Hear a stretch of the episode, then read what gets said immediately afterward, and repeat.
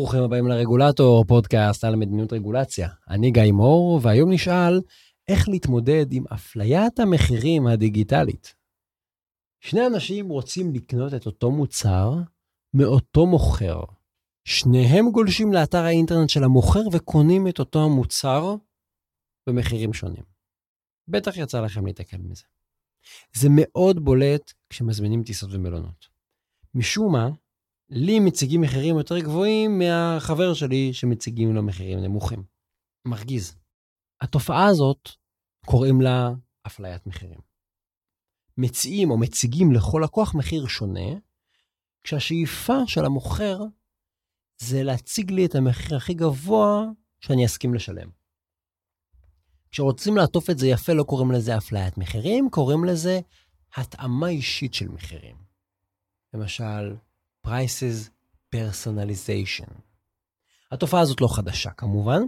הדוגמה הקלאסית היא כשאתם הולכים למוסך. כשאתם הולכים למוסך, המחיר שתקבלו כנראה שונה אם אתם לקוח או לקוחה, או אולי צבע העור שלכם. עסקים מסורתיים כנראה אבל פחדו שהלקוחות יגלו שמבצעים עליהם אפליית מחירים.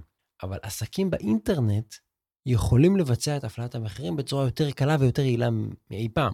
קודם כל כי הם עוקבים אחרינו ועושים עלינו המון המון מידע, אז הם יכולים לעשות את זה בצורה הרבה יותר מחושבת, ולא רק להסתכל על אה, צבע העור שלי, או איזה נעליים, או איזה שעון אני עונד. ויש עוד סיבה שזה יותר קל באינטרנט. כשאני גולש באינטרנט, אז מציגים לי באתר מחיר אחד, אין לי מי להתמקח. זה לא כמו במוסך. וגם, אם זה אני, אז לא משנה מאיפה אני אגלוש, באיזה שעה, זה מה שיציגו לי. והחבר שלי תמיד יציגו לו מחיר אחר. להפלת מחירים יש שתי השפעות מרכזיות על הלקוחות, מנקודת מבט כלכלית, וזה תלוי בנכונות של כל לקוח לשלם, מה שנקרא the willingness to pay. קחו לדוגמה מצב שבו יש שתי לקוחות שרוצות לקנות כרטיס טיסה מתל אביב לפריז.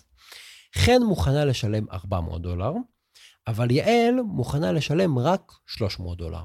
אז האתר, אתר כלשהו, יציג לכן מחירים יותר גבוהים, וכנראה שהיא תשלם יותר על אותו כרטיס בדיוק, למרות שהם ישבו כיסא ליד כיסא באותה טיסה. וככה חברת התעופה מגדילה את הרווח שלה. אבל שימו לב, חברת התעופה גם ממקסמת רווח מול יעל שמוכנה לשלם פחות.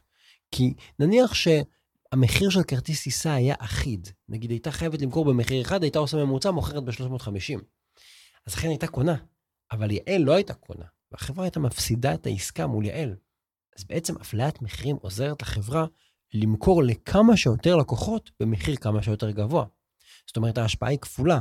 הם גם מצליחים לעשות יותר עסקאות וגם מצליחים להגדיל את המחיר מול כל אחד מאיתנו. הפרקטיקה הזאת כמובן מאוד משתלמת למוכרים, כי הלקוחות ממשיכים לקנות, אבל כל אחד מהם משלם יותר. למשל, מחקר אחד מצא שחברות של השמת כוח אדם יכולות להגדיל את הרווחים שלהן ב-75% אם הן יגבו מחירים באופן שמותאם לכל לקוח. כמו שהזכרתי קודם, בעידן האינטרנט נאסף עלינו המון המון מידע, ובזכות שימוש בביג דאטה, אפליית המחירים הופכת להיות תופעה יותר נפוצה, יותר חריפה ויותר רווחית לחברות.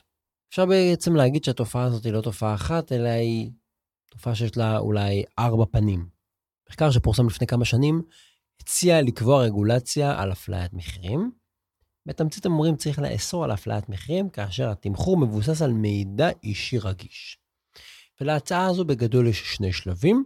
מי שעומד מאחוריה מציע שבשלב הראשון נחייב את החברות לדווח לרגולטור כשהן מבצעות הפלאת מחירים, וגם לתאר איזה בדיוק הפלאת מחירים הן עושות, ועל בסיס מה.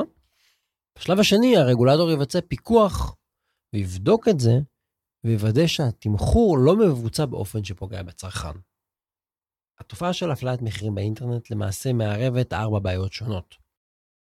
דיברתי לפני רגע על הגנת הצרכן, אבל בעצם צריך להגיד, יש פה הגנה על הצרכן בהיבט העסקי-מסחרי, יש פה פרטיות והגנה על מידע. זה הדבר השני. הדבר השלישי זה תחרות והגבלים עסקיים, והדבר הרביעי זה מניעת אפליה קלאסית, אפליה ממש. שימו לב, הגנה על הצרכן, פרטיות, דיני תחרות ומניעת אפליה זה ארבעה תחומים רגולטוריים שונים, זה ארבעה רגולטורים שונים. כל אחד מהתחומים האלה יכול לעמוד בפני עצמו ולשמש כהצדקה לרגולציה נפרדת על התופעה הזאת. בעצם אפשר להעביר פה ארבעה רגולציות של ארבעה רגולטורים. במחקר שהזכרתי, מזהים גם את ארבעת התחומים האלה, והם טוענים בעצם שצריך רגולציה אחת הוליסטית שתתייחס לכל אחד מהתחומים. אני אציג רגע את ההצעה שלהם, כי בעיניי זה מעניין לראות איך הם מסתכלים על זה, לא בהכרח כי אני מסכים עם הכל. אז בהקשר של הגנה לצרכן, החוקרים מציעים שרגולטור יקבע חובות גילוי שיחייבו את החברות לידע את הצרכנים כאשר המחירים מותאמים אישית. זאת אומרת, אה, מין רק אומרים לך, תדע, באתר זה המחירים מותאמים אישית. לא יודע מה כל כך יש לעשות עם זה. אז מה הערך במידע הזה? שאלה. אגב, אם רוצים להחמיר, אפשר לחייב את החברות לגלות מהם הפרמטרים העיקריים בנוסחאות שמשפיעות על קביעת המחיר שכל לקוח מקבל. נגיד, אנחנו נותנים לך את המחיר על בסיס תדירות הגלישה שלך, לאן טסת בעבר, אה, כמה כסף יש לך בעובר ושב, לא יודע, דברים כאלה.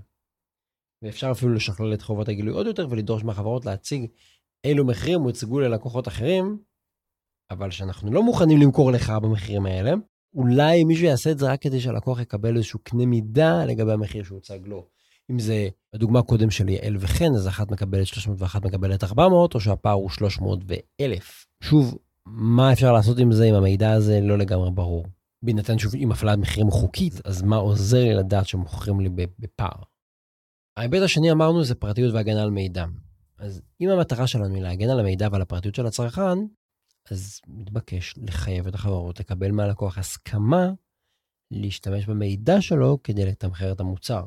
במילים אחרות, החברה בכלל לא תוכל להפעיל את הנוסחה שעושה את התאמת המחירים אם הלקוח לא אישר את זה. זה אומר בעצם שאם לא אישרתי את המידע, אז מה עשו? לא, לא מציגים לי מחירים בכלל, או מציגים לי איזשהו מחיר אחיד, המחיר האחיד אולי הוא נורא גבוה, אולי יגידו אנחנו, אם אתה לא נותן לנו לבדוק את המידע שלך, אנחנו לא יודעים, אנחנו נותנים לך כרטיס טיסה ב-2,000 דולר. לא עשינו בזה יותר מדי. אולי יגידו להם, אם אתה לא נותן מידע, אז החברה תציג לך מחיר, אבל החברה חייבת לתת לך את המחיר, נגיד הממוצע, מול כל הלקוחות שלה. כדי שהיא לא תאנוס אותי למכור לה את המידע. כמובן, אגב, שלהוראה הזאת אפשר גם לצרף איסור, לאסוף ולשמור מידע רגיש, ועוד הוראות מעולמות הפרטיות באינטרנט. אם אנחנו רוצים להסתכל על זה מסוגיה של תחרות או הגבלים עסקיים, זה קצת תלוי בסיטואציה. אם המוכר הוא מונופול, או אם הוא פועל אפילו בתחום עם מעט מאוד תחרות, אז הוא ישתמש בהפעלת המחירים כדי להעלות את המחירים למקסימום עבור כל לקוח. אין לו מתחרים הרי, אז, אז מה אכפת לו למכור במקסימום של המקסימום? אתם לא תלכו לאתר אחר. זה החשש הרגיל מפני מונופולים שמנצלים את כוח השוק שלהם. נכון, תמיד אנחנו חושבים שמונופול, מאחר שאין לו מישהו שמתחרה איתו, הוא יגבה ממני את המקסימום. רק שבהפעלת מחירים, זה עוד מחמיר את זה, כי בעצם היא עוזרת למונופול לעשות את זה יותר טוב. לא רק שהמונופול יגבה ממני את המקסימום, הוא יגבה ממני את המקסימום שלי, וממנו את המקסימום שלו. מצד שני, אם אנחנו מדברים על שוק עם כמה מתחרים, אז התוצאה לא לגמרי ברורה. זאת אומרת, אם יש תחרות, אז כל אחד מנסה לגבות מחיר שהוא תחרותי, לא אטרקטיבי מול המתחרים, זה משהו אמור להוריד את המחיר. מצד שני, אם כולם מפעילים הפליית מחיר מבוססת מידע, וכל אחד יש לו מידע קצת שונה, או שזה תורם לתחרות, כי זה עוזר לזהות הלקוחות שרגישים למידע ולהציע להם מחיר יותר נמוך, אולי, אבל זה דווקא יעזור לחברות להתכנס למחיר מתואם, מין מחיר קרטלי כזה, שהוא יותר גבוה. ואם הן מסתכלות על אותו מידע או משתמשות באלגוריתמים דומים, אז הם פשוט הם יתקרטלו, אפילו בלי להגיד שזה קרטל. כי שיטת התמחור תהיה זהה. מה שאנחנו רואים בהקשר הזה של תחרות זה שדיני תחרות בישראל ובארצות הברית, מסיבות כלכליות, אוסרים על מונופולים לנצל את כוח השוק שלהם לרעה. ושם זה יותר זה ברור, אבל הם גם אוסרים על מתחרים לערוך הסדרים שיפגעו בתחרות. בעברית זה נקרא הסדר כובל, בשפת הרחוב אנחנו קוראים לזה קרטל. לא ברור אם בשוק תחרותי הפונקציה הזאת של אה, התאמת מחירים היא באמת בעייתית מבחינת תחרות. נקודה האחרונה היא ההיבט של מניעת אפליה. חקיקה של מניעת אפליה נועדה באופן היסטורי למנוע אפליה על רקע גזעי, מגדרי, אתני, דתי, כל אלה. לא מדובר פה על אפליה כלכלית של מה העדפות הכלכליות שלכם. אבל למעשה היא מדברת על תופעה די דומה, זאת אומרת איסור על עסקים להשתמש במידע מסוים, נניח הגיל או הנטייה המינית או המוצא של אדם, כדי להפלות אותו ביחס לאחרים. אבל לדעתי זה לא יישום הגיוני של דיני אפליה, כי צריך לזכור שחוקים למדינת אפליה חלים בעיקר על גופים ציבוריים ועל שירותים ציבוריים, ועל זה שאני לא רוצה למכור למישהו או רוצה למכור למישהו, ופה מדובר על חברות פרטיות שבדרך כלל דיני אפליה יותר מוגבלים עליהם, וגם זה לא שהחברה לא רוצה למכור לי, היא פשוט מנסה למכור לי במחיר הכי גבוה לעצמי, ואת זה עושים כל הזמן כמעט. יש ביטוי, אני שמעתי אותו לפני הרבה שנים, שאומרים כשאתה מגיע לקנות דירה, או כשאתה מגיע למוסך, יסתכלו לך על הנעליים, לראות כמה משופשפות או מתי צריך לקחת אותם, יסתכלו על השעון, לראות כמה כסף יש לך. תמיד עסקים ניסו למקסם את הערך שלהם מלקוחות. אני לא בטוח שזה נופל להגדרה הקלאסית של אפליה. טוב, אז ראינו שאפשר לקבוע כל מיני סוגים של רגולציות לכל מיני כיוונים. השאלה כמובן היא מה הבעיה שאנחנו רוצים לפתור, מה הבעיה שבעינינו עולה מתוך התופעה הזו של אפליית מחירים. עכשיו, יש עוד שתי בעיות פתוחות סביב התופעה הזו, שלא הזכרתי ושווה להזכיר. אחת, זה אפליה בחיפוש. זאת בעיה שקרובה לאפליית מחירים. הכוונה היא למצב שבו יש שני לקוחות שמחפשים מלון באותה עיר, ולמרות שהם מריצים את אותו חיפוש, נניח בגוגל, הם יקבלו תוצאות חיפוש שונות. נגיד, לי יציגו מלונות יוקרה, ולחבר שלי יציעו מלונות יותר פשוטים. זאת אומרת, זה לא המחיר שמשתנה, אנחנו לא מסתכלים על אותו מוצר, אלא היצע המוצרים שמציגים לי משתנה. אגב, התופעה הזאת היא לא תופעה תיאורטית. אה, מסתבר שהוול סטריט ג'ורנל חשף אותה, שהיא קיימת עוד בשנת 2012. אז זה גם הדבר שאנחנו צריכים לחשוב עליו, האם זה לא בסדר. זה לא שלי ולחבר שלי מציגים מחירים שונים, בואו נגיד שמציגים לנו אותם מחירים, רק שכשאני מחפש מלון, אני מקבל מלון חמישה כוכבים, והוא כשהוא מחפש מלון, הוא מקבל אכסניית נוער. האם יש בזה משהו לא בסדר? האם משהו לא בסדר שמייצג רגולציה? צריך לחשוב על זה. בעיה פתוחה שנייה שקשורה לסיפור הזה של הפלאת מחירים היא ההקשר של האכיפה הבינלאומית. הרי האירוע פה הוא אירוע של חברות בינלאומיות, האינטרנט לא יושב במדינה ספציפית. ואין טעם ברגולציה שאין לה מנגנוני אכיפה עקביים, פרופורציונליים ואפקטיביים. ובעידן הגלובלי של היום מאוד מאוד קשה למדינה אחת לתקן את העולם ולתפוס את כולם.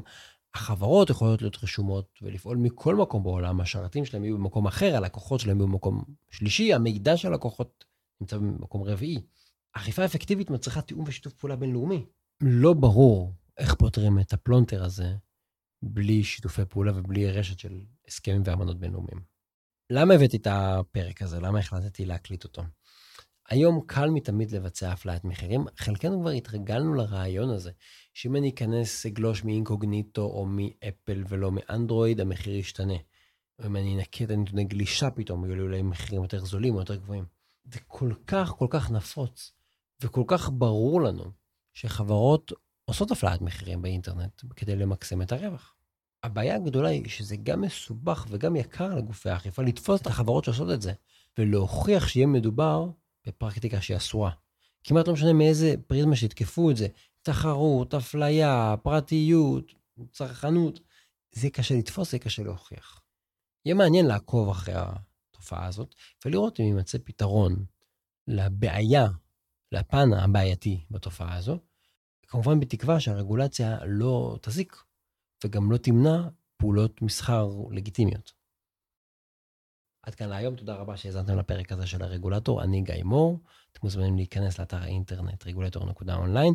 אם יש לכם הצעות, הערות, שאלות, מוזמנים לכתוב לי, יש טופס של פנייה באתר. התכנים משקפים את דעותיי בלבד.